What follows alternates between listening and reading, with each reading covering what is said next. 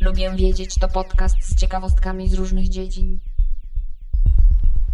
Cześć. Ja jestem Monika, a ty słuchasz podcastu Lubię wiedzieć. Dziś opowiem Wam o jadalnych łodygach. Oczywiście inspiracją jest dla mnie sezon na rabarbar, to wiadomo, prawda? Bo rabarbar jest chyba najbardziej znaną jadalną łodygą, przynajmniej dla mnie. W tym roku już dwa razy robiłam drożdżowe ciasto z rabarbarem. I właśnie nad tym ciastem zastanawiałam się, czy oprócz rabarbaru oraz selera naciowego są jeszcze jakieś inne jadalne łodygi. Wydawało mi się, że na pewno są, ale jakie to już zupełnie jakby nie przychodziło mi do głowy. Dlatego zrobiłam przegląd informacji na ten temat i w ten sposób właśnie powstał ten odcinek. Jeśli interesuje Was temat jadalnych łodyg, zapraszam dalej. Zacznijmy zatem od rabarbaru. Rabarbar. Po, po, pora na rabarbar. Rabarbar Polsce znany jest także pod nazwą rzewień i należy do rodziny roślin rdestowatych. Ten rabarbar, który możemy znaleźć na rynkach czy w sklepach, to jest gatunek rabarbaru kędzierzawego. Warto pamiętać jednak, że surowy rabarbar ma w sobie kwas szczawiowy, więc lepiej go nie jeść na surowo. Kwas szczawiowy ma bowiem dość niekorzystny wpływ na nasze zdrowie. Dzieje się tak, ponieważ ten właśnie zawarty w rabarbarze kwas szczawiowy w połączeniu z jonami wapnia tworzy dosyć trudno rozpuszczalny szczawian wapnia, który z kolei osadza się w postaci kamieni, przykład w nerkach, ale także niekorzystnie wpływa na stawy, może powodować artretyzm. Dlatego częste spożywanie dużych ilości warzyw zawierających ten kwas może być przyczyną np. kamicy nerkowej, ale także niedoboru wapnia w organizmie. Poza rabarbarem dużo kwasu szczawiowego mają w sobie oczywiście szczaw, to jest wiadomo, ale także szpinak, kawa, herbata, kakao, orzechy albo soja. Jeżeli bardzo lubicie te artykuły, te, te, to jedzenie albo uwielbiacie kawę, to trzeba pamiętać przede wszystkim o piciu sporej ilości wody, a spora ilość wody to jest 2,5 litra dziennie oczywiście, ale także uzupełnianiu diety w wapń. Jeżeli chodzi o wapń, no to dużo wapnia ma nabiał, czyli mleko, jogurty i tego rodzaju przetwory mleczne, ale nie tylko, bo na przykład są takie warzywa jak brokuł, które mają bardzo, ale to bardzo dużo wapnia, więc jedzcie brokuły, jak już zjecie rabarbar, ale oczywiście na surowo. Pieczony rabarbar nie ma e, takich niekorzystnych właściwości, nie ma tak niekorzystnego wpływu na zdrowie, więc w cieście można spokojnie dużo rabarbaru jeść. Tak jak wspomniałam, inną rośliną, której łodygi jemy, jest seler naciowy. A to seler! Westchnął seler. Popularny we wszelkich dietach odchudzających, przynajmniej jak kojarzę. On ma mało kalorii, to chyba można go po prostu jeść e, aż po dziurki w nosie i, i tak się nie przytyje. Seler naciowy jest odmianą selera zwyczajnego, ale różni się od, od tego zwyczajnego, tego korzeniowego, brakiem gorzkiego smaku liści i ogonków, brakiem właśnie korzenia spichrzowego, czyli nie ma tej bulwy selerowatej i wykształceniem gęstej rozety liści o zgrubiałych i soczystych ogonkach liściowych. Właśnie myślę, że widzieliście seler naciowe w sklepach. One rosną właśnie w kształcie takiej rozety i można sobie te łodyżki odłamywać tak spiralnie. W porównaniu z selerem korzeniowym, seler naciowy cechuje się większą zawartością soli mineralnych i witaminy C.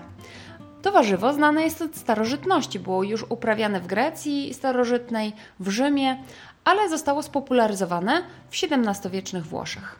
Seler naciowy jest używany głównie jako przyprawa oraz dodatek do innych dań. Zwykle jest spożywany na surowo, chociaż słyszałam także o tym, że można z niego robić zupę albo smażyć na głębokim tłuszczu. Jakoś sobie nie wyobrażam tego smaku, ale może tak kiedyś może spróbuję.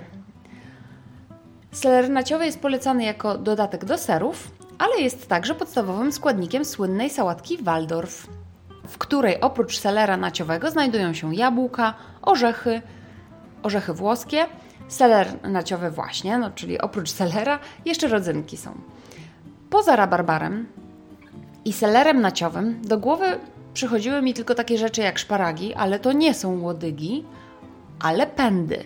I jest taka różnica między łodygami a pędami, że pęd to jest taka część rośliny, która składa się z łodygi, liści, pączków, kwiatów i owoców. On ma wszystko w sobie, więc nie jest stricte łodygą. Więc sprawdziłam internet i okazało się, że oprócz selera naciowego oraz rabarbaru, jadalnymi łodygami jest na przykład trzcina cukrowa. Jest to roślina trawiasta.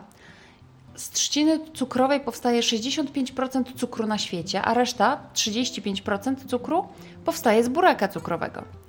Skład chemiczny cukru z obu roślin jest właściwie taki sam, dlatego nie dajcie sobie wmówić, że cukier trzcinowy jest zdrowszy od tego z buraka cukrowego.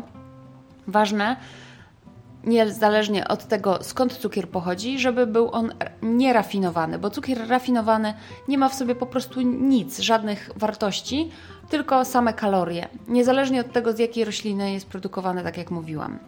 Trzcinę uprawia się w strefie klimatu zwrotnikowego i podzwrotnikowego między 30 stopniem szerokości geograficznej północnej i południowej.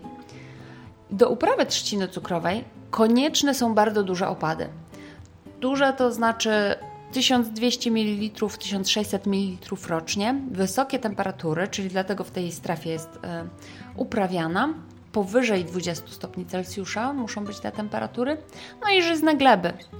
Długa pora deszczowa pozwala na 7-10 miesięczny wzrost rośliny, a krótki okres suchy na wzrost zawartości cukru a także sprawia, że dostęp do pól staje się łatwiejszy po prostu w trakcie pory suchej. Zmniejsza się też straty powstające wówczas, kiedy trzcina jest ścinana przy dużej wilgotności. Większość odmian trzciny może dać kilka kolejnych zbiorów, z których każdy następny jest niestety mniejszy. Jeżeli jesteśmy już przy trzcinie, która jest trawiasta, to wspomnę jeszcze o trawie cytrynowej, zwanej inaczej palczatką cytrynową. Ona jest uprawiana w krajach śródziemnomorskich. Natomiast używana jest dosyć często w kuchniach różnych, często azjatyckich. W Gruzji, Indiach, Malezji, Afryce. No i tak jak powiedziałam, w Azji, e, szczególnie południowo-wschodniej, stosowana jest ta trawa cytrynowa do przyrządzania napojów i zup. I jest na przykład bardzo znanym składnikiem takiej zupy tom yum tajskiej, zupy o ostro kwaśnawym smaku. Często trawa cytrynowa jest dodawana do herbaty, do różnych ziół, herbat owocowych, albo zaparzana jest jako po prostu trawa cytrynowa tylko i wyłącznie. I ja tak naprawdę nie znam więcej żadnych jadalnych łodyg. I mówię tutaj łodyg, nie żadnych pędów, korzeni, no bo wiadomo, że do korzeni należy imbir, należy chrzan.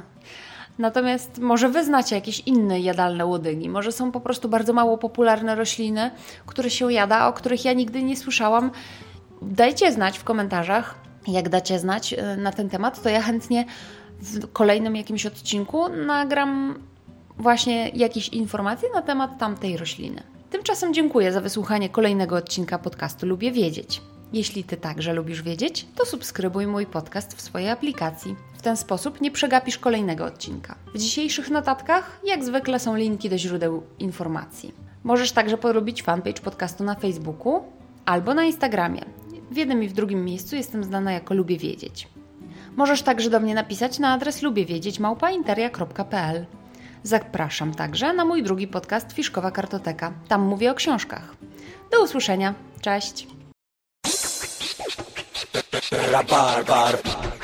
Po, po, pora na rabarbar. Rabarbar. Po, po, pora na rabarbar.